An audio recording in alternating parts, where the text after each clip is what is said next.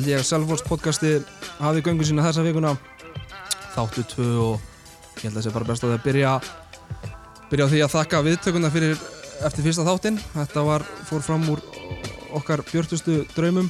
Uh, ansið margir sem að hlustuðu og, og hafa hrósað okkur fyrir þetta. Þannig að það hvetur okkur bara enn meira til þess að halda áfram að, tala um handbólta á Selfosi en það gengur vel. Eða svona. Uh, hjá strákunum allána Arnar Helgi heiti ég og er með ykkur eins og í, í, í síðasta þætti. Og ég fengi til mín mjög, tvo mjög góða gæsti til þess að vera með mér í kvöld og, og ég ætla bara að segja það strax að það verður erfitt að toppa síðustu tvo gæsti Gísla og Holmar, þeir voru virkilega skemmtilegir en Gísli. Gísli Felix Bjarnarsson Þannig að erðu þið heyrið allan að hverju mættur. Uh, annars vegar Sebastian Alessandinsson uh, selfisingur og, og þjálfari og, og tölvusölumæður og, og ég veit ekki hvað og hvað. Í þessari röð? Í þessari röð? fyrst það er bara svolítið og hérna hinum megin er Andri Rapp Hallsson tannleikna nemi og, og fyrrum fyrrum selfisingur Andri, ertu velkomin í, í Selfhaldspodcastið Takk að kjærlega fyrir. Eða, eða krummi. Krummi. Ég, Við verðum að fá ský- útskýringu á því Já, Hvernig saga. komst það nafn á því í FH Ég er ekkert smá ósvartur Það er ógeðslega að fyndi, það var fyrsta æfingin og hérna það verið að henda mönnum í vesti á, á, á teig og, og Halldór Jóhann kallar eitthvað Andri! Og, og ég segi bara já og Andri Berg Haraldsson segir náttúrulega já líka. Og þá snýra sér að mér og segir "Nei, þetta, þetta gengur ekki kallið mín. Er, Ertu kallaður eitthvað? Ég bara já ég bara allir vinir mér kallar mér Rappa Nei Krummi. Og í og, og bara þetta var 0-1 Já. Ka- að- ég þekktist ekki til öðru nafni. Var krummi, þetta var svo slæmt að ég og Rækki Jó keiriðum stundum saman á æfingar og eftir æfingar. Og hann í einrúmi kallaði mig krumma. Nei, er slóst að hann ekki þekkja utan undir? Ja, búin að þekkja mig sem ég var sjóra skilur Það eru Basti uh, ég náttúrulega kom ekki inn á það að þú ert auðvitað sjónvarsjálfræðingur uh, og hefur verið hérna bara ég var eitthvað að skoða svona aðeins að kynna mér þín mál. Uh, þú ert búin að er eitthvað tengt handbólta hérna á Salfórsum sem að þú er ekki gert eða, eða komið nálegt Ég get ekki sagt ég hef ekki verið í stjórn því að ég var eiginlega svona fyrstu ári mín hérna var ég svona eiginlega bara eins og stjórnamaður Já, smalaði saman stjórn hérna Já, Fyrsta árið? já. Ég held að ég sé búin að Jú Ég held ég get, get Jú, ég, ég hef ekki spilað fyrir kvennalið. Nei. En það eru komin hvað, tvö ár síðan þú síðan þú hættir að skipta þér að málum hérna eða ekki? Já, jú, tvö, þrjú, tvö, þrjú. 2017 held ég að við Já, að við tvö, lesa- já. það er 2019 núna. Já, á tvö ár. Og hvernig horfur þú svona á þessa tíma já, Selfossi, er þetta Geggjað, geggjað. Ég menna, þetta umturnaði lífi mínu. Ég eh, var á leiðin í atvinnumensku í Danmörku satt best að segja ok. Uh, að fekk hérna byrjaði að fá tilbóðum að gerast atvinnumæður um þrítugt það var helviti seint. Þú byrjaði í marki í sein, Basti. 19 ára, já. En einhvað síður og að hérna byrjaði að streymin allt í hennu óvænt einhver tilbóða utan frá Spáni og Þýskalandi og Danmörku og svo fekk ég það var einhver þjálfar í Danmörku sem að hafi reynd að fá mig til Tvís Holstebro og það gekk ekki upp ári áður. Svo var hann komin í eitthvað annað lið og, og var að komast í úrvastildin eitthvað lítið lið það er rétt í óðinsvíðum og og þeir, bara það sama hvað ég sagði nei ofta, alltaf hækkuðu þeir tilbúið þannig til að þetta var orðið bara eitthvað ruggl og ég sagði bara já og var að fara að skrifa undir út í Danmörku 25. mæ 2003 þegar að það komu tveir herramenn heim til mín, þrýr fyrir gefið fyrir, ég ætla ekki að gleyma einum Bergur, Jóhannes Óli og Sigmar og buðum mér að gerast spilandi þjálfar á Selfossi og ég hætti með það sama við að gera staturum fyrir fullt af peningum til að taka þetta að mér. Og hérna ég er og þú sér ekki eftir því? Nei, alls ekki, alls ekki. Mér langaði að prófa að þjálfa og ég svona datt það í huga að ég er alveg örgulega ekki reikin þarna að enginn vildi þjálfa þetta lið. Þau myndu örgulega að fá eitthvað tíma til þess að hérna, gera eitthvað mistök og það reyndist síðan staðreind og, og svo þegar ég ætla að hætta eftir þessi þrjú ár og fannst ég svona að ég spilaði nú bara drullu vel, þegar ég segi sjálfur frá þessi þrjú ár sem að við vorum að rembast. Og svo ætlaði ég bara að hugsa með mér ægin enni þess ekki og fyrir bara aftur í bæin og tek nokkur ára að spila í viðbót. Og þá kom pappi hans Hallur, sagði nei nei, heyrðu eigum við að gera eins og Brynjarkarl eigum við að gera handbóltaakademi og þú getur hérna bara nýtt hérna lið og þú byrjar að byggja upp og þú flytur bara á Selfoss og, og þetta var bara eins og, ég veit ekki eins og ykkur blanda Richard Attenborough og sko Sigurði Há Richter í nýjasta tækna vísindi, það var eitthvað við þessa rödd og Já. áðin ég vissi af þá var ég komin heim og sagði við konuna mína, við erum að fara að flytja á Selfoss.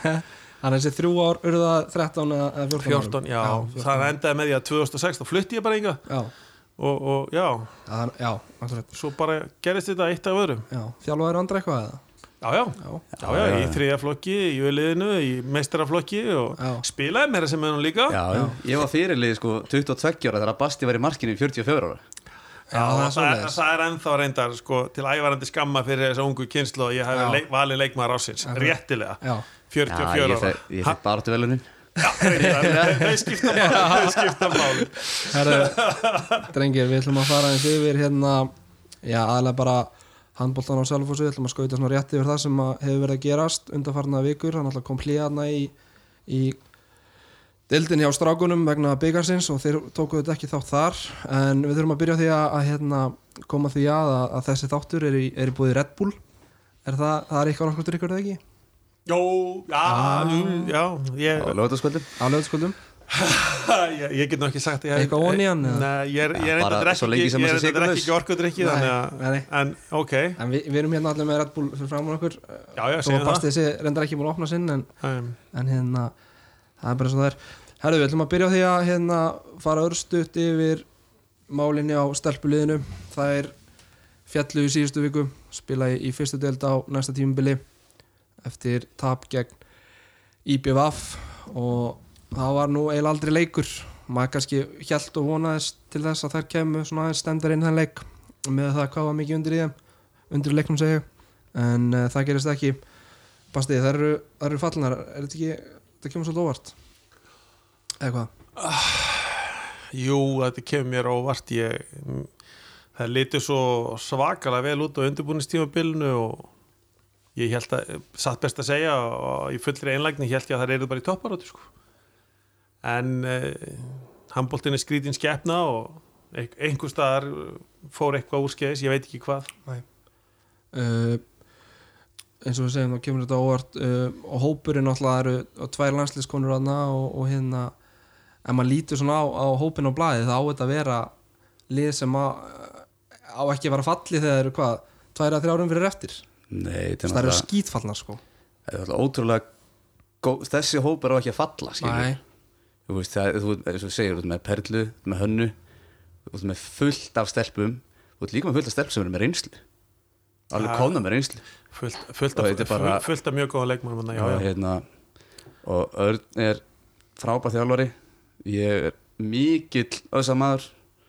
Mér finnst ótrúlega skrítið að produktið á vellinum hafi ekki verið betra. Já, Já, ég meina, þú veist, þess að ég sagði handbóltin er, er skrítin oft og, og stundum alveg sama hvað þú hefur fram að færa. Þá stundum ertu bara ekki réttum aður á réttum stað og réttum tíma og þú, þarna ertu með sko fullt af uh, flottu leikmönnum út með mjög flottan þjálfara og frábæra umgjörð og geggjaða stjórn og geggjaðan klúb bara, svo, svo, svo skilur engin neitt. Ég meina, þetta eru íþróttir því miður og, og hérna og svo er alveg hægt að taka dæmi um lið í dildinni líka sem að er ekki með neitt af þessu og er að standa sig vel. Þannig að veist, þetta er bara, maður veit aldrei þetta er, þetta er svo stundum bara skrítið. En skoðum svona aðeins maður heyri ímislegt og, og ólíklegt að við náum að halda þessum allra bestu stelpum hjá okkur í fyrstutöldinni það er bara órau- óraunhæft. Það er ekki teima í, í næsta sér Nei, en hvað hva sjáum við þetta lið þú veist, er, erum við að fara að leggja áherslu á það að komast beint upp? Eða er ekki bara komin tími til þess aðeins að, að hérna staldra við? Ég meina ef við fyrum við tölum við við, en þú veist þetta er Selfoss podcasti sko. Ef við fyrum beint upp þá hérna höfum við eitthvað að gera í þessa dild eftir eftir tvö ár? Nú er bara komin tími fyrir Örn og Perlu og Hönnu að fara út í hattunum sko. já, ég segi það. Já, og ég stend bara fell með því og bara getur einhver farið fíl út um mig ef hann vill. En þessi þrjú er ekki heim í næstu sér deild það eru fleiri stelpurinnar sem er ekki heim í næstastu deild Já. en það er samt kannski heima þarna í eitt ár til Já. að fara upp en uh, ég held að þú ert með tvær landsliskonur og mér finnst bara svo erfitt að sjá þar í einhver öðru félagi á Íslandi heldur en Selfoss Mhm. að ég vil bara sjá það í útlundum Já. það er mennsku, það er ekki, ekki ólíklegt gott heimi saman Já, Já, ég meina, svo er þetta líka bara spurningum hvað stjórn og, og leikmenn vilja gera, sko, ég meina það þarf bara að setja upp eitthvað plan og, og veist, ef það er alltaf að fara í uppbyggingafasa þá bara að leifa þeim leikmennum að fara sem að telja sig þurfa þess. Og, en ef, ef þá að se- setja bara púður í þetta að fara beint upp aftur og, og gera eitthvað, þá þarf náttúrulega bara að gera það í samvinnu við leikmennina og allt félagið í heilsinni þetta er bara ákvörðin sem þarf að taka og það er náttúrulega við ekki þrýr hérna getum alveg talað fram á rauðanótt og það er samt ekki okkar. Það er fólk að stjórna þessum klubbi og leikmenn sem þurfa að hittast niður og tala saman mæntanlega við bastið þekki það náttúrulega þegar Selfoss var niður á sínu tíma mm. sem að við vorum, fórum upp með hérna, mjög gott lið. En við fórum niður strax aftur Já, við fjallum í jafnum stig og liðið sem fjall Já, ekki það var svolítið erfitt að kingja því en það Já. voru leikmenn sem áttu heldur ekki heima í, í næstæstu deild. Nei, nei. Og Það, þá mistu tekin, við hvað, sjö leikmenn? Já, þá var bara tekin ákvörðun um það að, þú veist, bara versjón 2 og svo var reynt aftur og það var ekki fyrir í þriðju tilraun sem að liði fóru upp og er það sem það er í dag. Og stundum þarf bara nokkra tilraunir eins Það súrt og það bara- er sko. það vantaði náttúrulega smá gæði í leikmennina sem komu eftir á.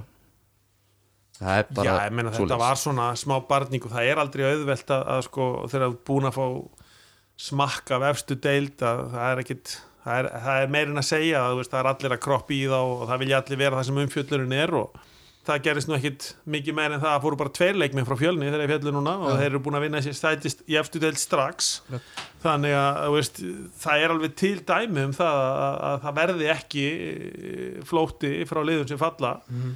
eins og ég segi, þetta er bara spurning um hvernig þetta er matritt og hvað eh, þessi þröngi hópur þe- þetta litla samfélag tekur ákvörunum í sammenningu Næsti leikur í deildin er Selfoss stjarnan Þú ert að þjálfa stjörnuna, Basti Já, Ertu, ertu fegina að þær séu falla fyrir hennar leik og, og þú þurfur ekki að fella þær eða þær komið Já. dýri veitlistur hennar leik já, Já. ég get ekki líst í hversu miklar áhyggjur ég hafði af því að, að því ég náttúrulega sem þjálfari og leikmaður fer í alla leiki til að vinna Já. og sama hvort ég get eða ekki, Mhm. ég meina alla minn þjálfarafél og alla minn leikmannafél þá fór ég, skipti engumáli hversu slagt til dæmis kallalegi var á sínum tíma í þessum uppbyggingaferli ég fór samt að reyna að vinna bestu liðin og þú veist, það er kannski þess að fólk segir þessi geðveikur, ég veit það ekki. En ég bara get ekki ekki þátt í íþróttum nema til þess að reyna að vinna. Nei. og þú veist, þú reyn, ef þú reyn sko, ég hef alltaf sagt það sko að það skiptir engum alveg hvað slappur eða lélugur, jafnvel. Ef þú ferði í alla leiki með það hugafar og ætlir að vinna og þú tapar öllum leikjunum þá getur ekki verið lúsir. En ef þú ferði í leiki til þess að tapa með sem minnstum mun eða reyna að gera þitt besta þá ertu farin að ískíkila nálægt í að fá, fá, geta kallaði lúsir sko. Já. en, en sko já Geti líka trúið að markvörðurinn Hildur Öðir sem á sem að þetta er flestar bara Já, best, já besta fyrir ekki að vinkona þess að ég hennar í- klára nú spurninguna Já. því að ég sónaði út að sko ég hefði náttúrulega alltaf farið í þann leik til að vinna hann. Já. og ég get alveg sagt þér það að ég hafði áhyggjur af því að ég hugsaði bara nei, ég má ekki, það má ekki vera í, í leik við mig sem að þeir falla, þú veist, það verður að gerast fyrir eða eftir, ef það á að gerast. Það hefði verið leiðilegt. Ég hef ekki, ég hef ekki haft neitt húmor fyrir því. Nei. Herðu, slútum þessari Já, hvað segirðu, Hildur Ötter, já. Já, ég er að segja, ég, svo hún sé mannafegnust í að, að þurfa ekki að að fella bestu vinkona sína sem er í, í þessu selfhúsliði er hún ekki með flesta borð, varða bolta móti Selfoss? Hún, Sko, Hildur er búin að vera geggjuð í vetur. Já, Þú veist, meina, þetta er bara eitthvað svona, eitthvað svona það þarf að selja, einhver þarf að selja þetta skri, sko, handrit til Hollywood og gera íþróttabíómynd úr þessu. Já, uh, sko það er nefnilega svo magnað að það eru tvö lið sem hún er búin að vera frábæra móti í vetur. Það eru Selfoss og Valur, besta lið landsins bara getur ekki skora hjá henni en þetta náttúrulega er hún búin að eiga erfitt eftir áttar kannski sem um öðru leikjum Já, en lá henni hver sem við, hún er svo sem ekki eiginlega markmaður. Talandi um manneski sem fer inn í leikin til að vinna sko.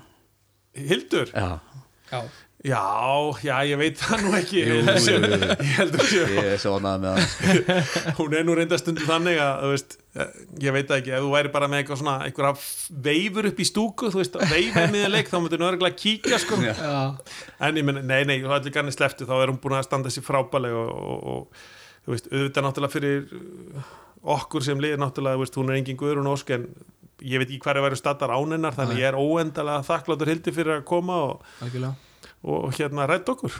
Komið skemmtilega inn í þetta vetur. Herðu, slúttum þessari umræðum stelpunar uh, vonum bara að, að það er klárið þetta uh, mót með, með sæmt og hérna svo færi bara vinnan af stað fyrir næsta tímubil í fyrstu deildinni. Herðu, förum yfir í strákana. Tökum hérna aðeins síðasta leikin ánum förum í stórleikin sem er á sunnundaginn uh, Káa Selfoss núna á mándaskvöldið og, og það var þryggja marka sigur. Andrið, sástu þann leik? Já, ég sá hann. Uh, reyndar eftir á því ég var upptökin akkurat að menna var.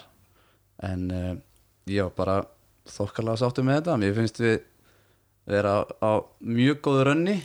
Fimm sigrar í rauði deild þó við höfum tapað þarna fyrir vali byggar og mér já, ég var bara mjög ánægð með þetta. Það er ekkit auðvelt að fara norður og, og sækja tvö stig með Stefán Átnason í brunni hinum meginn og, og, veist, allt húsið á mótið ég fór nú á hana leik Kerill Akureyrar með, með góðum mönnum og þetta var svona eins og margir hérna leikir á Selfoss eru þetta byrjaði leit út eins og þeir ætlaði allt yfir þetta en, en eins og einhver sett á Twitter þá hattar þetta liða að vinna stórt og þetta endaði í, í þryggjamerka sigri en ég heldur að vera að reyna að komast undir því að það er elska svona endurkom já, það er endar er ekki svo en gafin ég held að eh, sko, þeir hérna fyrir norðan gerðu smá taktískan taktískan feil í þessu öllu saman sko. Þú veist, þetta selfhóðslið þrýfst á mótleiti já, ef þeir hefði viljað sko gefa sínum munum tækifæri þá hefði þeir þurft eiginlega svona fámenn á leikin já, já, og hafa eiginlega enga stemningu. Og gera þetta svolítið svona leiðilegt andrúsloft Já. þá er ekkit víst um að kveikna á okkar strákum sko. En þeir eru ekki eftir að fara að aftur þannig að þetta er allt í lagi. Já. En þetta er svona, þetta er þetta er svona hugmynd fyrir það á næsta Já, ári sko bara, slökkva í þessum gæjum. Já, þú veist bara ekki vera ekki móti mæta á bara farið á fagniði með Selfoss þá kannski verða svona fipastir en þetta, svona, þetta var leikur svona, svona mikilvægur að, sigra þetta já, orðið já, já, ég meina bara Selfoss er bara í baróttum að vinna deildina og, og veist, skiptir engum móli hvað titill er, titill er titill ég meina, ég hef unnið deildamistira titilin og, og, og það er náttúrulega mjög ó, óskiljanlegt að HSI á þeim tíma gaf ekki velunapenninga fyrir það, það var bara afhendur einhver byggar og HSI sjálfur á þeim tíma gerði lítið úr þessum eh, titli en þetta er náttúrulega erfiðasti titilin að vinna í raun og veru. Já, ég ætlaði um þetta að ræða þetta eftir. Akkur er, akkur er deildamestartillin svona skiptir hann einhver máli? ég meina, veist, hérna eh, áður en úrslita keppnin byrjaði að hérna 90 og hvað þrjú eða eitthvað? Nei, 92, 91, ég maður ekki. Að þá náttúrulega var þetta bara þannig að þú stóðst upp sem Íslandsmeistar í lok tímabilsins. Þú varst bestur eftir nýju mánuði eða eitthvað. Og svo var allt í nákvæði að koma eitthvað svona, þú veist, einhverju NBA fyrirmynd höfum úrslita keppni og jújú og hún er búin að vera vinsæl og hún er æðisleg og það elskan allir. En sko, ég veit það ekki þú veist, það er, mér finnst þú veist, jú, bara gott dæmi haukar árið 2000 Já, þú veist, þeir voru búin að vera svona bara miðja dild allan veturinn döttu snemm út úr byggar og detti í einhverja geggjaða stemningu í blálokkin á tíumbil og standa upp sem veist, það kveiknar á þeir í nokkra vikur Þú veist, það, er, veist, það er miklu erfiðar að vera deildamistari, þú þarfst að vera góður all tímabilið og mátt hvergi mistiga þig og ef að Selfossi tekst það þá er, þá er það bara frábært og þeir verða náttúrulega núna að fara í hvern leik til þess að vinna því að þeir eiga raunhafa möguleika á titlinum. Haukar eiga erfitt prógram eftir geta vel mistið sig, bara það að Selfoss vinnið á í næsta leik þeir eru komin yfirhönd, það er náttúrulega má ekki gleyma F og Val sem er þarna strax á eftir en eins og staðan er núna, þá eru haukar svona aðal skotmarki, ef þeir vinna innbyrðisleikin, þá reyndar kemur bara allt öðruvísi challenge fyrir Selfoss því að þeir eiga auðveldara prógram innan gæsalappa, en það eru oft hættulustu leikindir að sko, en samt sem áður ég held að þeir taka innbyrðisleikin standi í lappirnar um, í þessu verkefni þegar er, sko, það móti vera sig á móti slakara leðunum þegar titill er undir, ég hef engar Nei. Akkurat, ef við tölum aðeins um hennan eh, bara risa leik sem verður á sundaginn sem var reynda færður átt að vera á mándaskvöldi en var færður yfir á sundagskvöldi vegna bæði landsleik eh, Íslands og Fraklands og svo er úslakefnin í dómunastildinni á sama tíma hann að stöður sport er að sína uh, leiki þaðan hann að ég held að þetta sé bara fín lendinga að hafa náttúrulega sundarskvöldið og Andri, það er ekki tvítið fyrirstöðu að, að hlæðsluöllin verði bara viljum við ekki bara sjá það verið uppselt eða? Þetta er bara stærsta leikur tímpilsin Já, ég held að fólk verið átt að segja því að fyrir bæði lið er þetta úsla leikur. Já, Eins og eins og Basti var að segja. Haukarnir, þeir eiga val afturheldingu og IBVF Já. Já, þetta er svakalegt program Við eigum þrjá Fram- easy leiki í raun og veru. Við eigum fram stjörnuna og gróttu. Já. Sko, þessir easy leikir eru oft erfiðastir. Já, já, ég er núna að tala niður til einhvers veginn hvað eru brjálar. En, Nei, en- nei, nei, nei, nei, nei, en nei, það er horfum bara, á þú það veist, þannig þú Ef veist, að það má ekki Selfoss- ef gleyma að því að Selfoss vinnur þennan leik Já. Það eru einu stíi yfir haugum Já, með þrjá leiki sem er eiga að vinna. Já, með allt í hendinni. Allt í hendinni. Ef að ef því- vinna þennan leik Já. þá er þrem stígum á eftir og komum með góðan bumper í þrjá erfiða En leiki. við erum líka að tala um sko að gróta á fram eru náttúrulega að berjast til lífi sínu. Stjarnanum að sko, komast í úslitakeppni Gróta náttúrulega þeir Já. töpuðu fyrir Akureyri, Ok, þeir eru átt. Samt sem áður, þú veist allir sómasamlega íþróttum berjast til loka skilur en það sem ég er að segja er þetta er samt í höndunum á selfossi.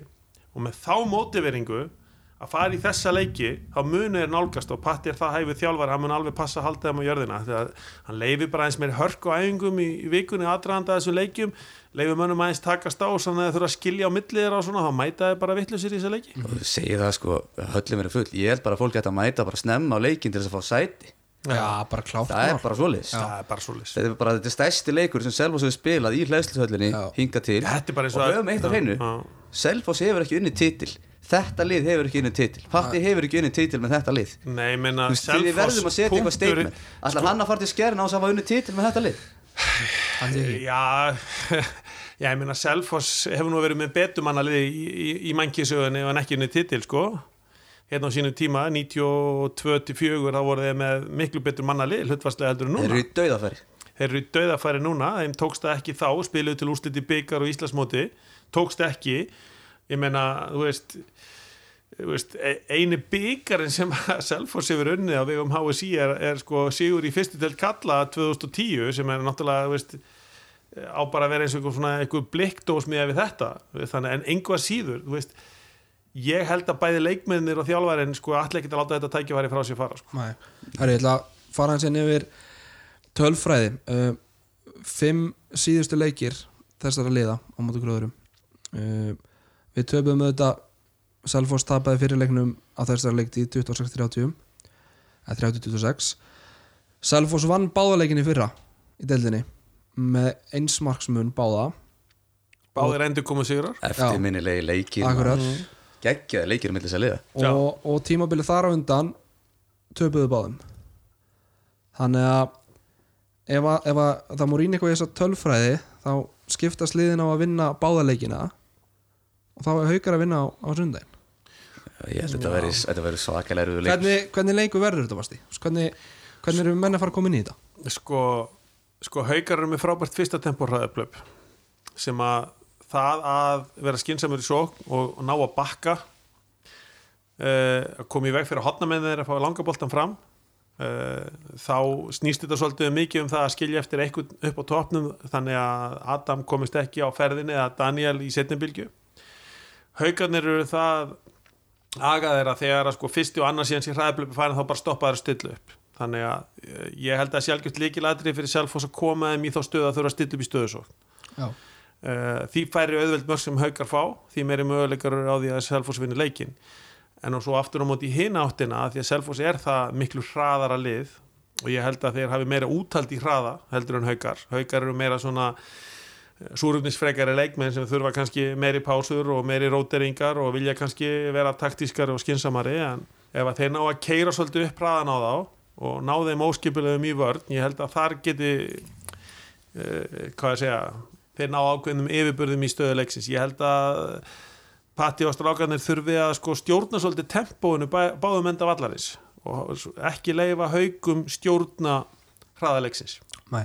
Andri, heldur að Patti sé að fara að stilla þessu upp bara sem úrslaleik fyrir strákuna er hann að, er hann að setja alla pressuna bara á? já, þetta er það. Ég meina, er ekki ég- ástæða til þess að tala í kringum það? Nei. Ég meina, á einhverjum tímapunkti þurfa þessi stráka bara að standa í lappirnar og segja bara, ég ætla að vinna titil. Burt sér frá pressunni ég meina, það kemur líka, liður kemur saman í úslita leik það eru alveg leikmennarna sem hafa fengið lítið að spila og eru kannski pínu ofanæðir það það er í öllum félögum, eðlilegt. það er ekki til, En það er sko, ekki til er lagt allt undir íþróttafélaga sem allir ránaðir það eru allir sem koma inn í eina leik Já. saman til þess að vinna sem einhild Akkurat, en svo er það líka bara það að þú ert með sko stóran hluta af þessum leikmunum sem að hafa verið eða er að vilja fara í atvinnum sko, kallið minn, ef þú ætlar að fara í atvinnum sko, skaltu líka hafa taugar til að spila leiki upp á titla sko. Akkurat. Og ég held að þessi á þeim stað að nú er bara sko standið í lappirnar, berjist í fyrir þessu titli. Að minnstakosti það versta sem gerist er að vera að fara að bókna þetta einhverju pressu, nei þú vilt vera í þessu til þess og þeir eru á þeim aldrei þeir eru að fagna því að fá að spila svona leiki fyrir fullu húsi. Að þóttir myndi ekki vinna þóttir fá ekki þennan titil og þetta ómeðalega reynsla fyrir hvern einasta íþróttumann að vera í þessum sporum Þarna verða líka sigurverðandi til. En ég er á pælinu. Ég hef ekki að byrja í þrýr þrýr á móti þessu þunga liði?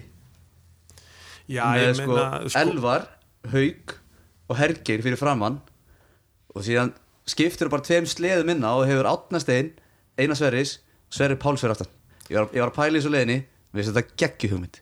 Já, þú færð alltaf 5 bolta varða frá Pavel 7 bolta kannski og þú bjassi Nei, skiptir ekki máli hvaða vörð þú spilar þú kannski sleður fyrir boltum Já, sko, ef þú skoðar það veist, eh, vissulega er auðvelt, auðvelt að stilla þannig upp að Ásgerur, Daniel og Atli Báru séu ekki með hraða Bamrúk eða Bamrúk uh, séu ekki með þann hraða sem þarf til þess að fara í gegnum einn og einn á, á þessu svæði með einhvern alveg dýrvittlusin í andlitinu, vissulega. Þrjá frábæra varnamenn Uh, hotnamenni eru er lítið í boltanum. Hauka spila svolítið sóknarleiki þannig að veist, uh, skiptna þrjár spila fyrir utan og þeir eru svolítið meiri í því að bara slúta þeirra færi gefst.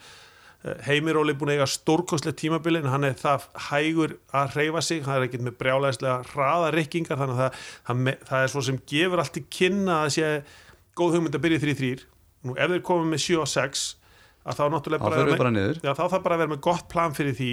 Já, já. þá þarf líka bara sko að vera kannski búin að undirbúa það fyrir leikin að sko að að vera ekki endil alltaf að taka skoti heldur kannski gefa eina millisendingu og skjóta því að það er oft líklega til árangus en veistu það ég, það geti líka verið gott að spila 5-1 á þá uh, uh, eða kannski jafnvel aggressífa 6-0 þar sem að jafnvel bakverði fara út og klárin á veistu, Patti er búin að láta þetta lið spila svo marga varnir. Ég hef engar áhyggjur af því að Patti verði ekki með gott plan. En ef það klikkar, það er það sem er svo gott við þetta lið hjá þeim að þegar eitthvað klikkar, eitthvað upplegg í vörn hjá þeim þá er þeim með aðra vörn og þriðju vörn og fjórðu vörn og hann bara heldur áfram að skipta um vörn órættur þanga til hann finnur eitthvað sem virkar. Það er þess vegna sem þeir eru svona góður í þessum endurkomum. Og það er líka ástæðan fyrir þær hangin í öllu Já, þeir láta aldrei rústa sér. Nei, nei. Og svo er bara það mikil einstaklingsgæði í selfosliðinu að ef að heildar brag og liðsins eða leikskipulega er að klikka þá geta það treyst á einstaklingsframtak til að skora mörg þannig að það veist, auðvitað er þetta náttúrulega bara geggja lið á, á besta aldri. Það er náttúrulega ég hugsa bara út í 6-0 út með heimóla sem hvað er hann 120 kíló? Nei, ég held hann er stór sko. Er það að tala um sóknarleikinu Selfoss núna? nei ég er að tala um varnarleikinu Selfoss Já, ég, ég er að tala, að tala um heimóla á milli Elvas og Haugs Mm. sem er að spila þristana. Já, og síðan ertu að fá sko Alla Báru Danílinga Bamrúk Tjörfa á þá. Við erum að tapa þingdabartunni hérna. Já en veistu það, veist, það eru til margar útgáfur af 6-0, ég meina Adam er frábær skitta en hann er ekkit all, svo allra best að spila frá sér. Þannig að þú veist, þú vilt náttúrulega mæta honum og setja síðan pressu á aðra leikmenn sem hann á að spila á til þess að þvinga hann í kannski erfitt skotið að gera mistök þú verður með góða hjálpaverðn og alla báru því að hann er ólsegur og hann fer svolítið í gegn. Það er ekki nóg að setja einn á einn á hann það þarf að vera hjálpaverð þar. Og ef þú horfir á leikina þá er allir gjarnar á að fara í gegnin að spila hann frá sér. Áskýrörn er meira að leita heldur en að gera sjálfur.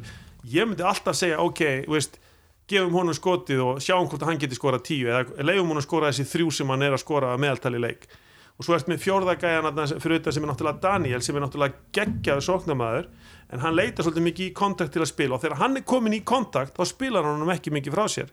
Þannig að það er all, Og alveg, alveg, alveg hægt að færa rauk fyrir því að spila aggressífa 6-0 vörn eða svona trappingjabela þegar það fer einn út Nei, sína sig þetta niður, sína já, sig þetta út gerast tempóið óþægilegt fyrir þá þannig að 3-3 er ekkit eina leiðin til að láta, á- Nei, eh, láta þeim líð En illa sko. er bara að það eru svo þeir eru svo sterkir einn og einn og sterkir þeir komu upp já. að við verðum einmitt að vera mjög ég sín okkur það er sama hvað vörð og þú bara- spila þú þarft í raun og vera að hóta fá þú aftar af öllum því að Daniel og Adam er ekki að fara skjö, veist, það er erfiðara fyrir þá sko, hugmyndin um að fara í skot er erfiðara þegar þú ert komin þrjá metra lengra frá vörninni. Og síðan er heiminn 6 og 6 á móti í er sko. Hann er náttúrulega við þurfum líka að vera snöggið Já. niður á hann. Að sjálfsögðu. Og, en, og ef að leikmenni sem er að gefa á hann það þarf að vita hverjir eru það sem er helst að gefa á hann og ef þú getur ekki ítt þeim frá vörninni að þá þarf að þjætta einmitt á heimi og þann leikmann sem er líklegastu til að gefa hann. Meina, er tjörfi með, það skiptir miklu mál hann leita mikið á hann, ásker er að leita á hann allir getur gefa hann. Er Bamrúk mikið að gefa línu? Ég, veist, ég hef ekki séð nóg aldrei- margir leiki. Er Daniel mikið í því eða veist, þetta, veist, ég get lofa eitthvað því að Patti búin liggja yfir svo græna þetta og hann verður með gott plan. Já, ég hef engar ágjörð því Verður þetta leikur varna, varnarinnar eða, eða sóknarinnar? Erum við að við erum að fara að horfa tvö gjörsamlega ólíklið bæði í vörn og svo Já, já. þannig að þetta verður geggjað. En Bara, þessi, veist, hvor, hvor, hvor, hvor leikstíli vinnur? Mér finnst það skemmtilegast að sjá það. En þessi leikur hann er að fara að vinnast bara á einu, max tveimur mörgum Við erum ekkert að fara að sjá eitthvað lif alltaf yfir þetta. Er það ekki fyrir eitthvað hæpið? ég held að hvorugt liðið muni sprengja hann að leika eitthvað og fara að ná einhverju stóru, stóru fóskoti ég held, ég er ekki sjá að gera sko bara spennust í andi, ég nema, andi þáttur nema að máli haukavörðin sem er búin að vera mjög sterk í vetur bara gjásalega hamri í strákana. Já. Elvar hefur stundu verið pínu setningang og ég, eh, sko, ef hann er setningang þá erum við senir í gang. Hann er okkar besti leikmaður Já, í svo ef við ætlum að sk- að sko, ræða um hinn enda vallarins þar sem að haugarnir er að spila náttúrulega þess að 6-0 vörn og það er ekki djók að fara inn í hann að pakka og að fara í gegn. Veistu það? Við erum bara með svo geggjaða skotmenn Elvar á bara að stökku upp 1-2 metrar fyrir punktalínu, hann á að vera nógu langt frá hávörðinu að hann geti skotið fram hjá henni. Elvar þarf bara að s- sko beina línu og marki til þess að skora. Veist, og þótt að markmaðurinn verði í 2-3 skot þá á hann bara að halda fram að skjóta. Haugur með sín smuguskot smá einangrum fyrir haug það þarf bara að velja rétta varnamannin fyrir haug til að fara á. Nú, svo ertu náttúrulega með átnastein sem að verða náttúrulega sko, ef að hann fær sín skotfæri þá verður hann að nýta það. Ég veit náttúrulega ekkert hvernig öxlin á hann er. Hún er góð. Nei, það er þá bara geggjað en það er þá sama með hann, hann má ekki fara á að hann er alveg nógu skotfastu ég skil ekki alltaf þessi árótti og handbóltamunum að komast aðeins nær til að skora. Ég get alveg sagt það, mín reynsla sem markmaður það munar okkur markmenn anskotar yngu máli hvort að skittan er hálfu meter utar eða innar upp á það að geta varið hjá hann en það skiptir öllu máli fyrir skotmann að þessi ekki komist í hann. Mér finnst Átni líka mjög góður í að sækja ekki alltaf inn á miðju, sækja stundum í breytina þegar hann kemur Já. milli 1 og 2 þá er hann mjög góður í að slúta Já. sérstaklega þegar hann slútar í fjær. Já, ég, vil, sko, ég finnst við stundum of mikið inn á miðju. Aðeins að ég held nýta að það væri á vellinu rosalega gott plan fyrir Selfoss að reyna að koma einhverjum langskotum í gagnið koma boltanum í marki frá stöðum á vellinum þar sem að haukaverðin verður að fara að sækja hærra upp til þess að koma í veg fyrir það þá fyrst fyrir að opna fyrir alla ef allir allir bara hlaupa hann á milli út um allt og reyna að vera slást og meðan þeir fá að vera passífi þá verður hann bara auka varnamæður og ég, ég myndi segja sko bara fyrir mín, mig persónulega ég myndi hafa hann sem minnst á milli þristana Við sáum það svolítið í byrjun á, á káleiknum þá vorum við svolítið að finna hann. Já, já, og hann fiskar þetta nokkuð víti. Hann skorar þetta ekki í leiknum minnum í ekki en, en það skiptir engum máli. Það er ekki- það er ekki- hann var- er ekki hann var- alltaf það sem skiptir að- máli. hann var að skila frábæri vinnu. Þá að hann var smettaður heima þarna eða einhverjum já, ég menna að þú veist þórsar að spila í káa heimilinu hverju býstu við? það er bara gekkja Já. það það er ekkert að því. Nei, nei, ég, veist, ég held að þetta verður mjög gaman. Mér hlakkar ofbáslega mikið Það er ekki oft sem ég nenni að sko, Ég reynda þarf að horfa á sem flesta leiki í þessari umferð bara að því ég er í næsta þætti en, en sko, þetta er leikur sem verður gaman að horfa út frá horfa á líka út frá taktísku sjónamið hvað, hvað eru þjálfættin að spá, hvernig ætlar að leggja leikinu upp og veist, skák á milli Patta og, og Gunna? Já, þú veist, ég er náttúrulega þú veist, Selfoss hefur fleiri, fleiri spil til þess að spila úr, þú veist, þið geta spila fleiri varnir og sóknarleikurinn mun svolítið náttúrulega svolítið ráðast líka svolítið af framistuðu ákveðina einstaklinga. Það er alveg nokkuð ljóst hverjir er að bera upp í sóknarleikinu á báðum liðum. Andri, Patti, nei Pasti var aðeins komin inn á markursluna áðan. Eh, Já. Ef við tökum þessa markmenn uh, Gretar og, og Pavel þó að það sem ekki alltaf marka en, en fólk horfir nú ofta á, á prósnatölu og, og Gretar er þar í öðru sæti yfir eða bara næst bestu engun af, af markmönnum í dildinni á meðan Pavel er í uh, nýjundasæti já, Já, þú veist, Pavel, Gretar, hvernig liðin þurfa að fá, fá markvæslu Pavel byrjaði vel á móti Káa í síðasta leik og varði Já, síðan ekki skot sko, í að, ef að Selfoss væri með. Betri prósutu markvæslu ef maður svo orðið komast þá, þá held ég að leikurinn á morgun væri ekki úslaleikur í sko Með allri virðingu fyrir Pavel. Pavel er búin að sína rosalega flotta takt oft í vetur og eins og fyrriháleikurinn á móti Káa Þór bara hvernig hann væri að verja boltan og hvaða boltan hann væri að verja þar síndi hann bara, þú veist, í raun og veru hversu góður hann er. Ég, en af að hverju hann náði ekki að fylgja því eftir ég meina, hei, Háleikur er vesti óvinnur markmanna ef þeir eru í stöði. Það erfiðasta sem ég lendi á ferlinu var að spila rosalega vel í fyrir áleik og svo kemur þetta helviti stopp á milli. En hvernig, er eitthvað markmannstjálfur í Selfoss? Er hann með eitthvað backup fyrir leikina? Við rættum þetta inn í síðast ég- ætti og ég Gísli veit var með okkur veist, og ég veist, hvernig fóru við hérna að í gamla daga andri minni, Menna, Gísli Felix var nú aldrei með neitt markmannstjálfar ég var ekki Ég með held neitt að sumir markmið þurfa að vera með markmannstjálfur sumir já, ég meina, þú veist, en á endanum þú veist, ef þú getur spilað svona vel í 30 mínútur, þá áttu að geta gert það oftar. Ef þú getur gert eitthvað einu sinni þá getur þú endur tekið það. Þú veist, þá er þetta bara klárlega eitthvað í hausnum á honum því hann er alveg búin að þú- sína Nú ert þú, nú ert þú Nei, ég er bara að segja, markmaðurinn. hann er búin að ég- sína ég er gæði þessi gæði er búin að sína af hverju hann er hérna og það er bara af hverju hann er ekki að prodjúsa það oftar það er bara eitthvað í hausnum á hann það hann þarf ekki markmannstjálfara hann þarf í- í svo íþróttasálfræk dauðafærum og hotnafærum heldur en skotum út en að velli Já, Mér finnst já. alltaf vera komin á hælan Já, ég meina, þú, getur ekki breytt reyfitækni 30 ára mannskilur en ég held að þetta sé miklu meira bara eitthvað hugafastlegt hjá hann og svo má ekki gleyma því að það er stundum erfitt fyrir erlenda leikmenn að koma einhver það er nú besta dæmið en það hérna, það kom hérna besti markmaður heims að spila hérna eftir HM 95 uh, frá Suðu Kóru, Sjón Hugh Lee. Hann gæti ekkert fyrir F á fyrra árið. Hann gjör sannlega hlóa dildinni árið setna það var margir elendi markmenn bara blómstraða setna árinu. Af því að þetta er allt öðru þessi handbólti sem er spilaðar hér heldur en í þeim löndum sem þeir eru að koma frá. Ég er samt ekkert, heyri mér allt í hann að verja markmenn en just, ég bara segja að gæin er búin að sína ákveðin gæði og það að hann get ekki endur tekið þau er eitthvað í haustum á hann, það er ekkert annað meðan eitt annað að gera Já, ég er alveg sammála því ákveðin leiti Ég er bara búin að vera fyrir svolítið vonbröðu með markvíslana í vettur að því að Já, já. Já, það, Ég- ég er búið að bara tala alveg nóg um það- held ég sko en ég meina á móti ertu með Gretar hinum einn sem er náttúrulega og andra skefing Já, og andra skefing, þú veist svona gæðin sem kemur inn á að redda hlutunum.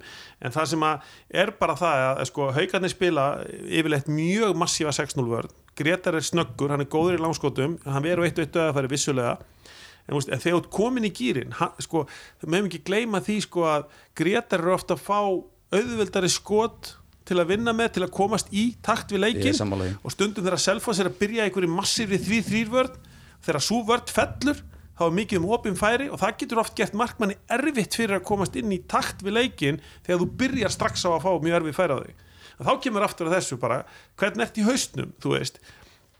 Sko ég lærði þessa leksíu sko 1991 þá var ég varamarkmaður hjá IR þjálfara minn þá, Brynjar Kvaran fyrirvændi landsleismarkmaður, setjum inn á tekum út af aftur nýju myndu setna og ég spyr, hvað, hvað tekum út af? Já, þú fekk sex mörg á og var þeir ekki í bolta ég segi, þetta var allt döðafæri þá sagði hann bara, heyrðu, ef þú ætlar að vera markmann sem getur eitthvað, þá verður bara verja eitt af hverjum þrem döðafærum. Og ég bara, það sem eftir var ferilsins þá bara glumdi þetta í hausnum á mér. Það er bara ekkert að fela sem bara, að þetta er bara svo opum færi, þú verður bara að verja þau líka. Já, alltaf að taka einhverja prósent af þeim. Akkurat, en svo verður líka að taka það sem þú átt að taka. Og það er kannski stærsta vandamálið með markvistunni á Selfoss síðustu tvö ár að þeir eru ekki að taka það sem þeir eiga að taka. Hvert vandamáli er, bara veit ég ekki. Ég, ég fæ ekki borga fyrir að leysa það. Klart mál, við vonum að Pavel detti gýrin fyrir mándaginn strákar ef að setja punktinn uh, fyrir aftan þessa setningu varðandi þennan leika á, á, Já, á sunnudaginn. Ég ætla að fá spá frá okkur í lokin. Andri, hvernig fyrir þessi leikur? og hver verður maður leiksins? Ég held að Helgi Grímsson verið maðurlegsins Geggjar mútið káa, áttamör geggjara mútið kafa, komin á punktinn. Við fáum fullt af vítum í þessu leik. Og hann hérna, klikkar á einu víti og, og setur fimm og setur fjögur viðbót. Ég er bjasinn, nýju mörg frá nýjum margur hergeri og ég held að við tökum þetta í lokin. Með einu, einu, patti? 25-24 hvað er þetta patta? Basti, já, spá, spá. Ég ætla að spá því að þessi leikur fari 28-26 fyrir Selfoss. Og ég ætla að spá því að Elvar skori 11 verði maður leiksins og Selfoss verður deildamestari Selfoss verður deildamestari Já, ég er ekki tilbúin að kaupa. Ég, það, væri svo, það væri svo típist það væri svo tapa það fyrir má, segja F, það má ekki segja F orðið en Það það væri svo bíp típist að þeir myndi síðan vinna þennan leik og svo misti ég sig á mótið einhverju skilduverkefni ég er hættast við leikina á móti stjörnunni. Ég verð að viðkjöna það, Já. ég fannst þeir ógæðislega góður að Selfossi.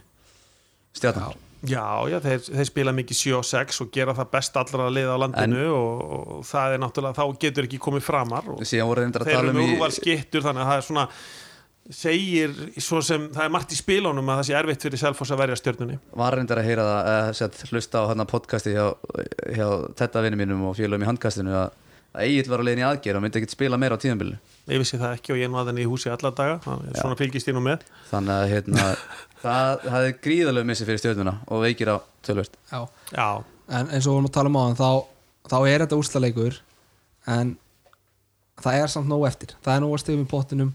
Þú veist, jú, haukar fara þreymur stegum á undan eða sem sagt þryggjast að fórskot og selfos eða vinna leikin en bara eins og við tölum um hérna ég sé ekki hauk að tapa Nei. tveim af síðustu þreim leikjónum ef ekki. vinna þennan leik þá verða það deildumist þrátt fyrir þetta, þetta hérna afturölding í BVF valur program Já, Já.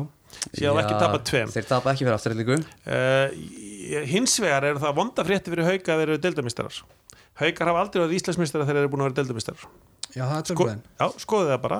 Ef ég hefði rangt fyrir mig þá bara endilega leður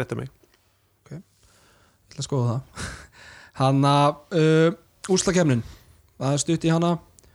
Uh, Það er nú ekki alveg, alveg ljóst hvaða, hvaða lið verða í henni þó að svona þetta er bara átt að stjarnan í er káa fram, þú veist, ég veit það ekki.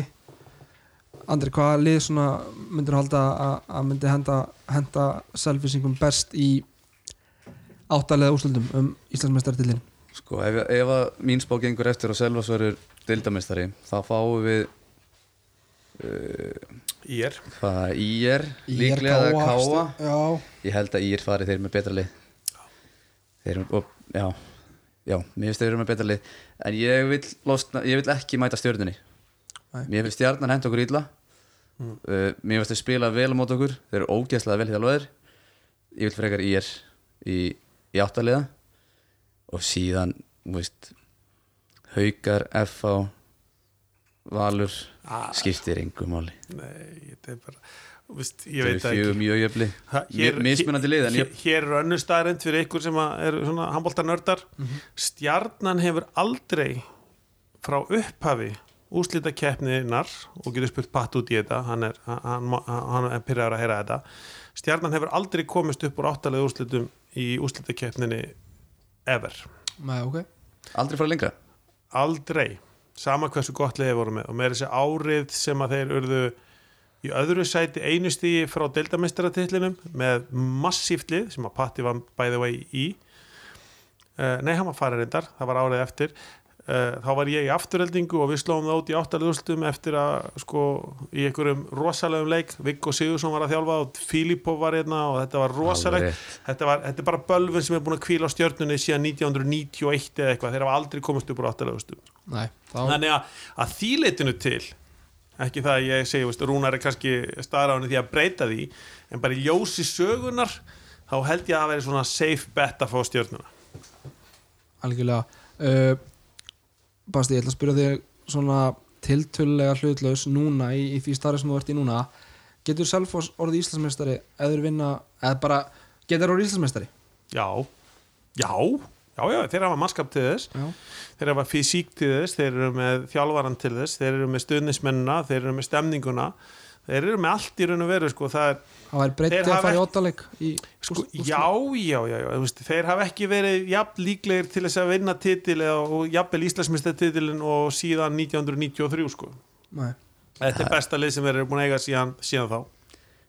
Selvas getur klálega orðið Íslandsmeistari en þá mega tveiri bleikmenn ekki meðast Átni Steinn og Júrogan í hodninu Þetta eru fyrir er mér mörfundumennina. örfendu mennina Já. Hver er að koma inn? Er, Ef við annað hvort þeirra meðist Já, já, það, það er erfitt. Ég meina, Guðjón Baldur getur Já. spilað hotn. Já. Já. já, Það getur rétt endur verið í hægri skiptu. Ég meina, þú veist, Já, ég meina þá kemur eina Sverris inn í hægri skiptu Ég er bara að segja, við vinnum ekki Íslandsmeistari til þannig já, ég meina, þú veist, það, Það er eitt að leysa stöðun á annað að spila hann Já, ég meina þá getur alveg haldið því jafn mikið fram að Herger og Haugur með ekki meðast eða Elvar og Já, allir út með, út með frændan eitthvað það Já, Ah. ég meina þú veist hann getur spilað hæra megin. Hann getur spila Hann, þú allt Hann er skiptilíkil ég held að þetta veist, nei, ég veist, veist, ef þeir detti í réttar stemningu þá skiptir það yngum máli. Það, veist, þeir eru með næga breytt til þess að klára þetta. Þeir þurfa bara að detta á eitthvað rönn. Þetta þarf bara eitthvað veist, þetta er of bara þannig að hérna, hlutinni þurfa bara að falla með þér. Það, það er bara, þú veist og, og ég hef margóft sagt þetta, ég trú ekki á heppni í íþróttum, þú veist, þú vinnur fyrir henni. Skjóta stöngin út eða stöngin inn er bara spurningum þjálfun, einbyttingu, vilja. Já, ég meina þessi gæjar eru ógeðslega duglegir sko. ég er að segja það, Þetta, þetta er geggja lið, þau eru miklu betri íþjóttumenn sem er heldur en ég séð nokkuð tíma þess vegna segja að þeir geta orðið mistarar alveg sem að þú tengur meðist og síðan við megum ekki gleyma einu. Af topp fjóru liðunum við erum með lang besta fólkið upp í stúku sko. Já, við ég, erum með selfinsíkun upp í stúku. Ég við förum með þessar dollur þessar sem eru eftir. Getur Við bara rétt mætum bara alla leikina stemn- og bara Já, þú getur bara drögum rétt þessa titla ímyndaði heim. stemningunni í Reykjavík.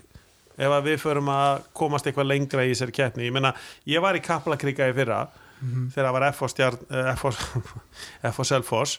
Og, og það er enn verið að tala um það að þetta sé besta einvi í sögu úslutakeppninar í minnstakosti 10-15 ár. Þetta var geggja haukar IBVF var náttúrulega geggja þér hérna þegar IBVF vann í ásvöllum já, það var geggja, en ég er samlega þetta var fáránlega gott já og það, það verður bara meira því sama sko. Andri, hvort er þú tím vallaskóla eða hlæstvöllin? Uh, ég hef aldrei spilað í hlæðsluhöllinni sjálfur. Ég hef átt margar stundir. uh, ég held að skipta engum máli. Ég held að strákarnir fíla að spila þarna og ég Ég- held að finni vel fyrir stuðningnum. Ég held að hlæðsluhöllin allan daginn þú veist, Já. þú ert í miklu meiri nálæg við sko stemninguna við uh, stuðnismennina og, og þessi námt hún, gerir þetta erfitt, ég meina þú varst út á Seltjarnanessi 2008 eða ekki þegar áhörunda myndi Ó, þar var jú. slegið 1100 manns á, á Gróta Selfoss í næstefstu deild í handbólta að ég hef næstu því farið í slafi dyraverð hann sko. já, já, þessi sem að þorði ekki að banna sveinbyrna að fara inn á HSI-kortinu þegar hann sagði við hann herru kallið minn, þú mátt alveg reyna að stoppa mig. Nei, veist, það var, var bilað. Það, það stóð fólk og satt alveg meðfram þú veist, allri hlínunni Þetta var fólk var bak við geðveiki. markið það voru 1100 manns á Seltjarnanesi þetta, þetta er áhörundamettar já, ég meina þeir líka lifðu á þessu envi við Selfoss á þessum tíma. Já, ég meina, þeir eru nokkuð bara viku áður, þá unnuður okkur í vallaskóla í undurlunnstum í byggar fyrir fram að 900 manns. Þannig að á, á, á ein, tvisvar á einni viku spiluðu leikmennir sem voru í liðinu þá fyrir fram að 2000 manns. Það, þetta er geggjað. Já, já ég er samanlegur, ég er einhvern veginn svona meira skemmtilegra að fara í hlæðsluvöllina á, á leik, það er svona einhvern veginn bara- bjartar yfir og, ég var svartýtt fyrst já, þetta er orðin okkar heimavöllur já, við erum bara búin að egna okkur þetta mm. og þetta er bara geggjað sko.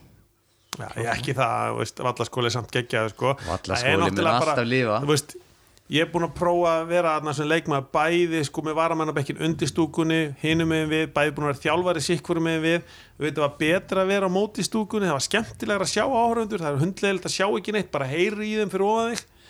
En sko það er samt það að þú ert upp á svörunum þú veist, og það er myndast alveg geggjur stemninga en það er öðruvísi þegar þú ert ekki með þá bara á jarðhæð með þér já, ég er sammála. Ég meina ég spilaði með afturrætingu á sínum tíma þar sem að við vorum með topplið í húsi sem er bara kópía af vallaskóla og það komu það stundum 8-900.000 manns, Evrópuleikir, úrslitaleikir og ég veit ekki hvað og hvað.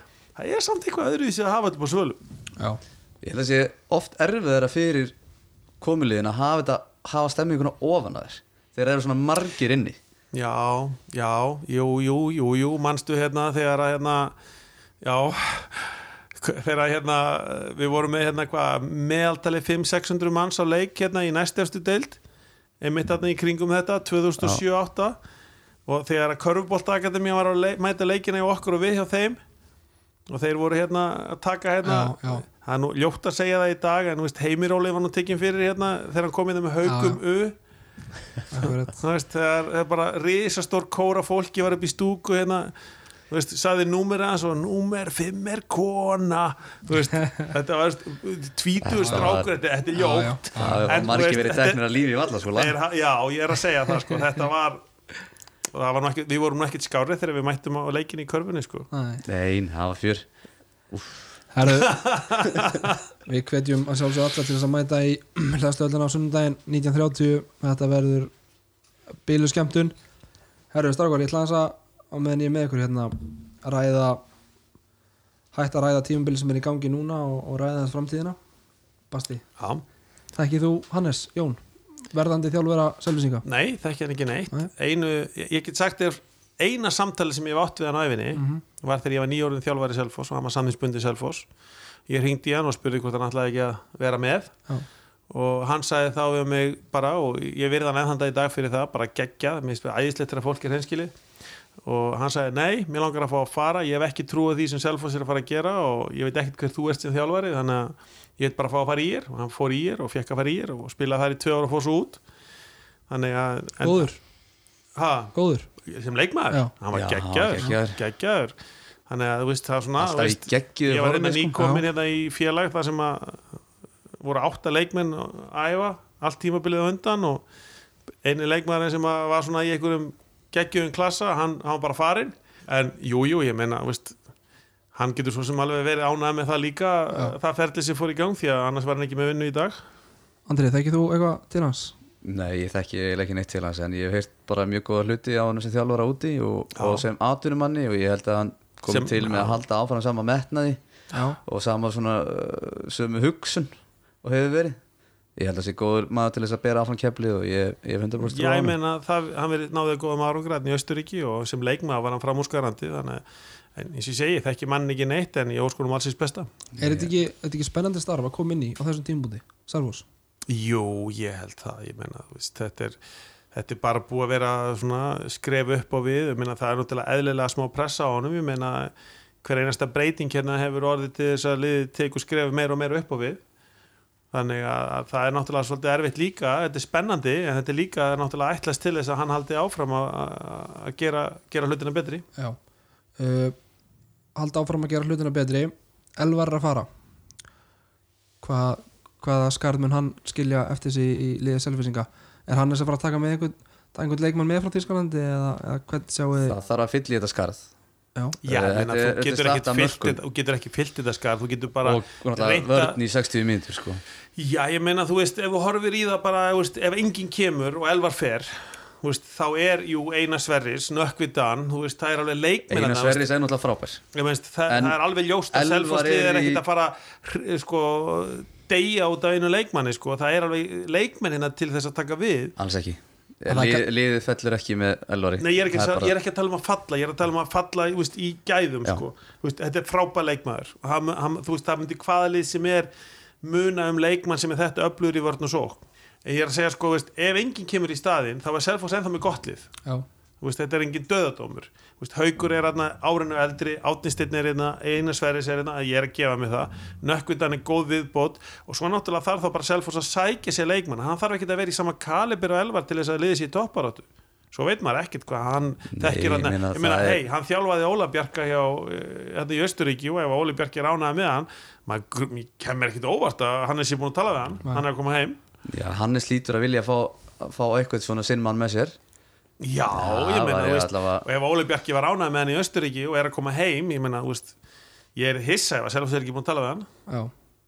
En er hægt, er hægt að gera sömu kröfu á selvisinga eða verða væntingarnar jafn háar ef að það fæst ekki jafn góður leikmaður og elvar í, í staðinn? Náttúrulega kannski fæst aldrei jafn góður Ég meina, það fyrir líka eftir hvað gerist verður í að bera öðrum. sem titla að Já, Selfoss? ég meina, það, akkur ekki, ég meina, það fyrir eftir líka hvað er að gerast í öðrum uh, meina, IBVF náttúrulega með Sigurberg og Tetta Mitta, ég meina, verða þeir heilir, ég meina, þú veist, eh, Maggi Stef kannski fer að hætta, ég veit það ekki. Ég meina, þú veist, einhver tíma hlýtur hann að snú aftur til Akureyrar.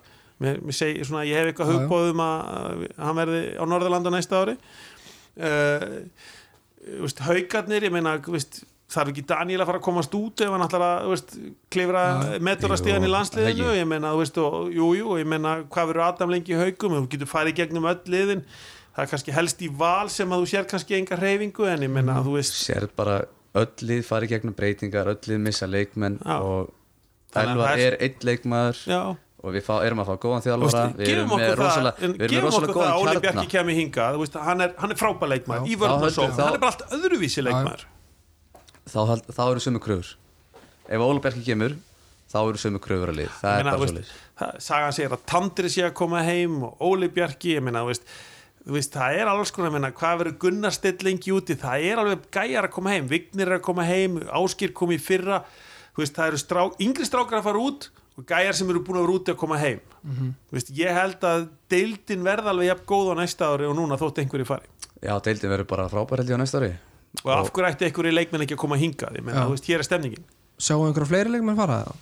já, er náttúrulega Aron Dagur er farin Já, Selfoss Já, Selfossi já, neða, Selfossi sko, Það sko, haugur fer ekkit fyrir hann er búin með allavega mentaskóla þú veist, það er, ég held að þú veist, drengurinn þarf náttúrulega að klára einhverja grunn mentun á hann að fer en ekki það, ég, ég hef engar sko, þú veist, ekki að skipta að því Pappin að tala Nei, ég meina, þú veist, come on, ég meina, hvað liggur honum á? Ef, hvað ætlar hann að vera atvinnumæður lengi? 10 ár, 15 ár? Þú veist, ef hann ætlar að vera 15 ár atvinnumæður, skiptir það þá málið að hann farið 21 árs? Ekki komið heim 36 ára, ég meina, hvað liggur honum á að fara fyrir tvítugt?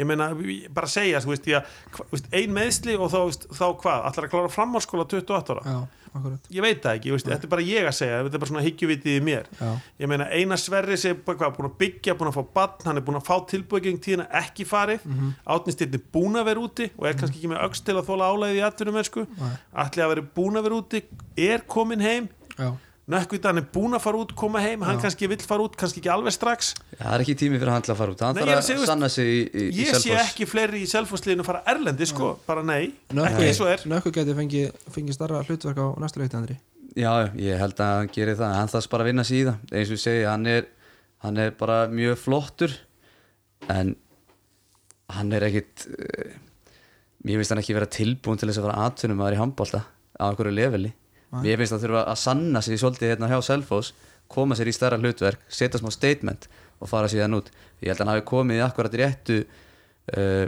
umgjörðuna heima til þess að vaksa og, og til þess að ná síðan árangri. Ég, og ég hef fulla trú á honum. Já, en eins og við tölum um þó að sé ekki annar leikmaður kannski fara út að þá er eins og við segir leikmenninni sem eru heima að, aðstæði breytast. Já, og setjum við átni steinir í læknisnámi. Já, já, það er erfitt nám, Já, það er erfitt að kera á milli hverjum degi, hann býr í Garabæ um, nú, já, já. Stjarnan. Sittir í peningum ég er ekki með kallaliði, sko, Ég hitt hann alltaf í hátíðin, hann borgar alltaf hátíðin sem hann er minn sko, hann er bara í Garabænum sko. Spurði Sigga. Hann tók fagnir hérna á ekki Sigga. Siggi, Siggi Seðill. Siggi Já, Siggi já, já, já, já, já, já, já, fagnir já. á Selfossi. Ha. Herðu, Nei, ég meina, ég veit ekkit um það ég bara að segja, veist, ég held að, ég held að hérna, hann hæ- en hætti af ekki hverju ætti en Átni Steinn ekki að leggja það á sig ég meina, þú veist, ég veit Já. að námið er krefjandi Nei, ég og veit- allt það, er bara að sína hann skilning þá ég, ég er eiginlega fulla trú á því að hann haldi áfram. Já, en hérna, ég er bara að segja það er bara aðstæður hjá fólki sem að eru, eru ekki atvinnumenn, ég meina það er eina sörður sem vera lengi í þessu hann er ekkert að fara að hætta, hann er 27 en ég er bara að segja skilu Ég meina, þú veist, það hefur alveg gæst áður að leikmenn yngri en 30 hætti í handbólta, sko. Já, séða mig, ég er að tala í mikrofónina herðu Andri P- Patti er að fara líka. Við höfum eftir að sakna hans. Hann er búin að vera svona koma skemmtilegur inn í þetta samfélag og, og bara allir því líkt ánæðir, ánæðir með hann. Ég held að leiki enginn vafa á því að, að selfisingar munu sakna hans. Já, hann kom bara inn og tengdi mjög vel bæði við samfélag og leikmenn og, og félagið og, og hann er greinilega bara top ná ekki, ég þekki hann bara nákvæmlega ekki neitt en Nei. bara, þú veist, ég mæti ofta þarna á töflufundi og, og er svona í kringum þetta og hlusta á hann í viðtilum og svona þetta er bara uh, class guy sko. Já, Já, ég þekkja náttúrulega alveg helling alveg frá því hann var 17 ára unglingur, hann spilaði reyndir að móti mér í, öð, í öðrum flokki í úrslitum 1988 þá var hann að spila upp fyrir sig en ég meina, ég veist bara geggja að sjá hvað hann hefur bara þroskast sem manneskja bara frá því að ég eh, alla þennan tíma sem síðan að ég kynntist honum sko. Þetta er allt annum manneskja en, en ég var að keppa við hérna í gamla dag og með. Örstjötin í lókin Fyrst við erum í Selfoss podcastinu þá ber okkur skilda að, tala um selfisinga Ómar Janus, þeir eru byggamestrar síðustu helgi með, með Ála, Álaborg. Það er eh, vel gert hjá þeim já, frábært að sjá þá vera hann árangri og ekki er einu ekki einu selvisikarnir á Norrlandunum sem er hann árangri að setja hana. Meina, En, veist, hérna- ég bara skil ekki alltaf þessa, alla þessa umræðu sko, um, þegar að vera að tala um selfising í útlöndum hvernig gleymist Ragnar Jóhansson alltaf? Já, það verðist ég bara skil þetta ekki. 100 marka maðurinn. Nei, ég meina, veist, gæjum að kiftur í búndislíkuna núna þannig að eitthvað var hann að geta í næstefstu deild. Já, Mér finnst bara, veist, veist, ekki það ég sé taka neitt frá hinnum, þú veist, Teitur að standa sér frábælega, Janus er að standa sér frábælega, Ómar að standa sér frábælega og þessi leikminn sem var farið út, Átni Steinn var úti, Guðmundur Átni var úti, veist, það er fullt aðeim aðna, mér er að segja Birkifanna var að gera ágættis móti í Noregi þarna á sínum tíma, en einhvern veginn, ég skil ekki hvernig Raggi gleymist alltaf þarna fyrir neðan hálsinn á Danmörku. það er bara ekki, maður sér ekki Nei, og ég trúi því alveg að hann sé að standa sig ógeðslega vel og ég sé það bara á tölfræðinni. Og ég ætla ekki að láta svo hérna, ég sé að horfa á fullt að leikjum í skandinavísku deildunum heldur sko. En ég hef ekki séð hann spila. Nei. og ég er enda, ég spyrir mig okkur hann er ekki valin óttir í landsliði Já, hann var nú valinn og, og, og þú veist eins og gumma er svona siður stundum en fá ekki endalösa sénsa hjá honum. Þannig að ég veit ekki ég meina, þú veist, var hann langt frá bara landsliðinu í janúar núna, þið það? ég bara veit það ekki Já, það sé að Rúna Kárásson gæti ekki sko hreift sér fyrir allan peningin í heiminum sko það er teitur komað inn og var enda, enda, var hún, enda fór hún ekki með á stormót Nei, sko. ég segi það en þú veist, En er fullt hefði af alveg- mátt fá sjensin hann í Norri á æfingamótinu já, ég, eða ekki, ég meina, við veitum þú segir, við erum kannski ekki búin að sjá hann spila hann er greinlega búin að eiga gott tímabil núni hann er búin til slíku nógu gott til þess að hann var keiftur í úrvasteldalið sem verður með að deild sko. þannig að ég, veist, hann er greinlega að spila mun betur en hann hefur að gera undanfærin ár. Svo náttúrulega má ekki gleyma því að það er svo sem alveg Ís- Íslendingar að spila annar staðar sem er aðtíklisir að meina Viggo er að gera frábært móti í Östuríki örfendu gæi og veist, hann er ekki einu sinni veist, hann kemst ekki einu sinni í umræðinum sko, ég veit ekki hvað, þurfti að velja stóran hóp í landstíð til þess að hann fengi lúk, ég bara veit það ekki. annar gæði sem maður hefur ekkert séð og, og spilaði bara í fyrstu deildinni á Íslandi. Ég tók hann eitt tímanbil í östu deildinni. Ég meina, þetta er, þetta er náttúrulega undrabatt sko, hann var náttúrulega undrabatt í fótbolta líka en ég meina, ég, ég fletti síðu morgublaðsins daglega og ég einhvern veginn alltaf að sjá Viggo, Viggo, Viggo og þeir skora svona mikið, skora svona mikið. Ég meina, ég veit ekkert hvernig standardin er hann í Östuríki en ég meina, hann er allavega að spila sem atvinnum aður Já, gæðin bossaði allavega hérna á Íslandi þegar hann var þar sko. Hann er, hann er mjög góður. Við vorum að tala um selfisinga og hann er sannlega ekki selfisingur nei. en ég held að, ég held að Ragga Jó Hotni sé komið til að vera hérna í, í Selfos podcastinu já, ég meina, þú veist hvað er Raggi Jó að gera í dag? veist, gæ, gæin sem er náttúrulega veist, í, í hérna Army of Darkness, ég meina, gæin er búin að gefa út lög. Já, gerði allt. F-fóliði skítrættir að heyrðu lögin. Svonu Satans og mamma þú ert í matin ég, meina, ég er mikið- enn að býja eftir þriða læginu bara svo að það sé önnu saga hérna sem er skemmtilegt að segja frá að Sveinbjörn og Raggi lofuðu mér því að þegar þeir voru búin að gera þessi tvö lög að þá lofuðu mér því sko að Sveinbjörn sagði mér að það væri með þriðja lægið í vinslu og vinnuheitið í því væri vinnuheitið á læginu var brjálaður íspjöld í Berjamó á Ísbjörn? Brjálaður íspjöld í Berjamó og veist, ég kalla bara eftir því að þeir klári þetta þriðja Já. lag sko. ég held svolítið að hatari sé svolítið að herma eftir Army of Darkness. Það er svona sami tótt í þessu. Já, spurningu til að við heirt ykkur að ég held að það er reyndar. gömul demo sko. Já, já, við meira pældi í Ragga Jó og Sveinbjörn í BTSM ha, já, ég sé sveipin alveg í því. Herðu, þessi umræði komin eitthvað til eitthvað ryggli hérna. Herðu, eins og Basti sagði þá var uh, Teitur heitur markaðistur hjá Kristjánstad á tímubilinu uh, sem að urðu með deildamestarar úslakefna að hefjast þar. Þannig að það er gaman að sjá hvað þeim gengur vel okkar, okkar selvisingum uh, strákar. Uh, ef bæti eitthvað við þetta Já, ég veist aðtryggst ég er búin að sjá slatta leikjum með Kristjánstad Já. meistardildinu til dæmis. Og mér finnst gaman að sjá það að Teiti var oft skipt inn á til að spila vörn. Já, mér finnst það, gaman. Mm já, þess það gleymið svolítið í umræðinu hann er nefnilega veist, maður var að horfa á leikinu og bara hann er Teitur. Já. og svo bara, ha, já, já, skipt inn á í vörn og út af í sókn. Og maður bara svona býtu, ok. Já.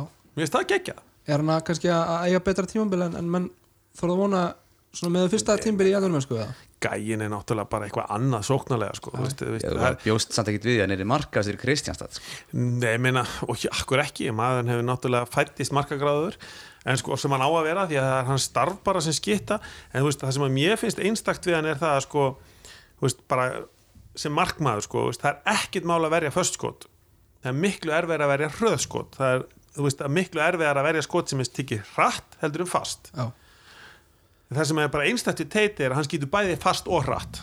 Veist, þetta er bara undartekning sko. Að, mér finnst líka vannmetið að hann er með hann er með auðvitað línuspili Já, hann bætti Hann nefnilega- sko, ég hann veit nefnilega var að segja sko, síðustu tvö árin eins og Selfossi þá fannst mér rosalega gaman að sjá hvað hann fór að vera miklu betri spilari. Það var frábær sko. Komu línusendingar, hotnasendingar, stimplanir. Hann hefur vaksið mjög mikið á tveim árum, mjög mikið. Já, Strákar, sunnundagurinn, þetta snýst allt um sunnundaginn, Selfoss, Haukar í hlæðstöðlinni kl. 19.30, það verður dasgrá í selinu frá því klukkan 18, það verður grillað og pattverðum þjálfarfund og bara butlandi stemming og við hvetjum fólk til þess að mæta tímalega því að það, það lítur allt út fyrir það að, að haukamenn fjöluminni líka og, og það geti hreinlega orðið uppselt í, í dundra verður sér í hlæðsluöllin að fá sér eitt borgar og, og hlusta patta og ég meina, taka full experience. Að Þeir sem komast ekki inn verða að hafa bara stór skjár utan á húsinu og, og er bara þetta sjónvar sem Ta er hérna taka, hliðina á taka svona tailgate party Já, bara. já, nú- nú förum við bara að vinna í þessu. En Sebastian Alsandarsson og Andri Rapp Hálsson bara kæra þakkir fyrir að vera með mér inn í kvöld. Þið verðið í hlustöðlinni á sundaginn Eða hvað? Já, ekki ég en, en, en, Ég í verð verð brjálaður í stúkunni. Já, en ég mun horfa Já. annarkvort live eða þú veist, uh, á flakkinu. Já, já. Herðu, Gott að heyra Selfoss, Haukar, Sunnudagur, 1930 hlustöðlin Takk fyrir í kvöldstrákar Takk fyrir að hafa Takk fyrir fyrir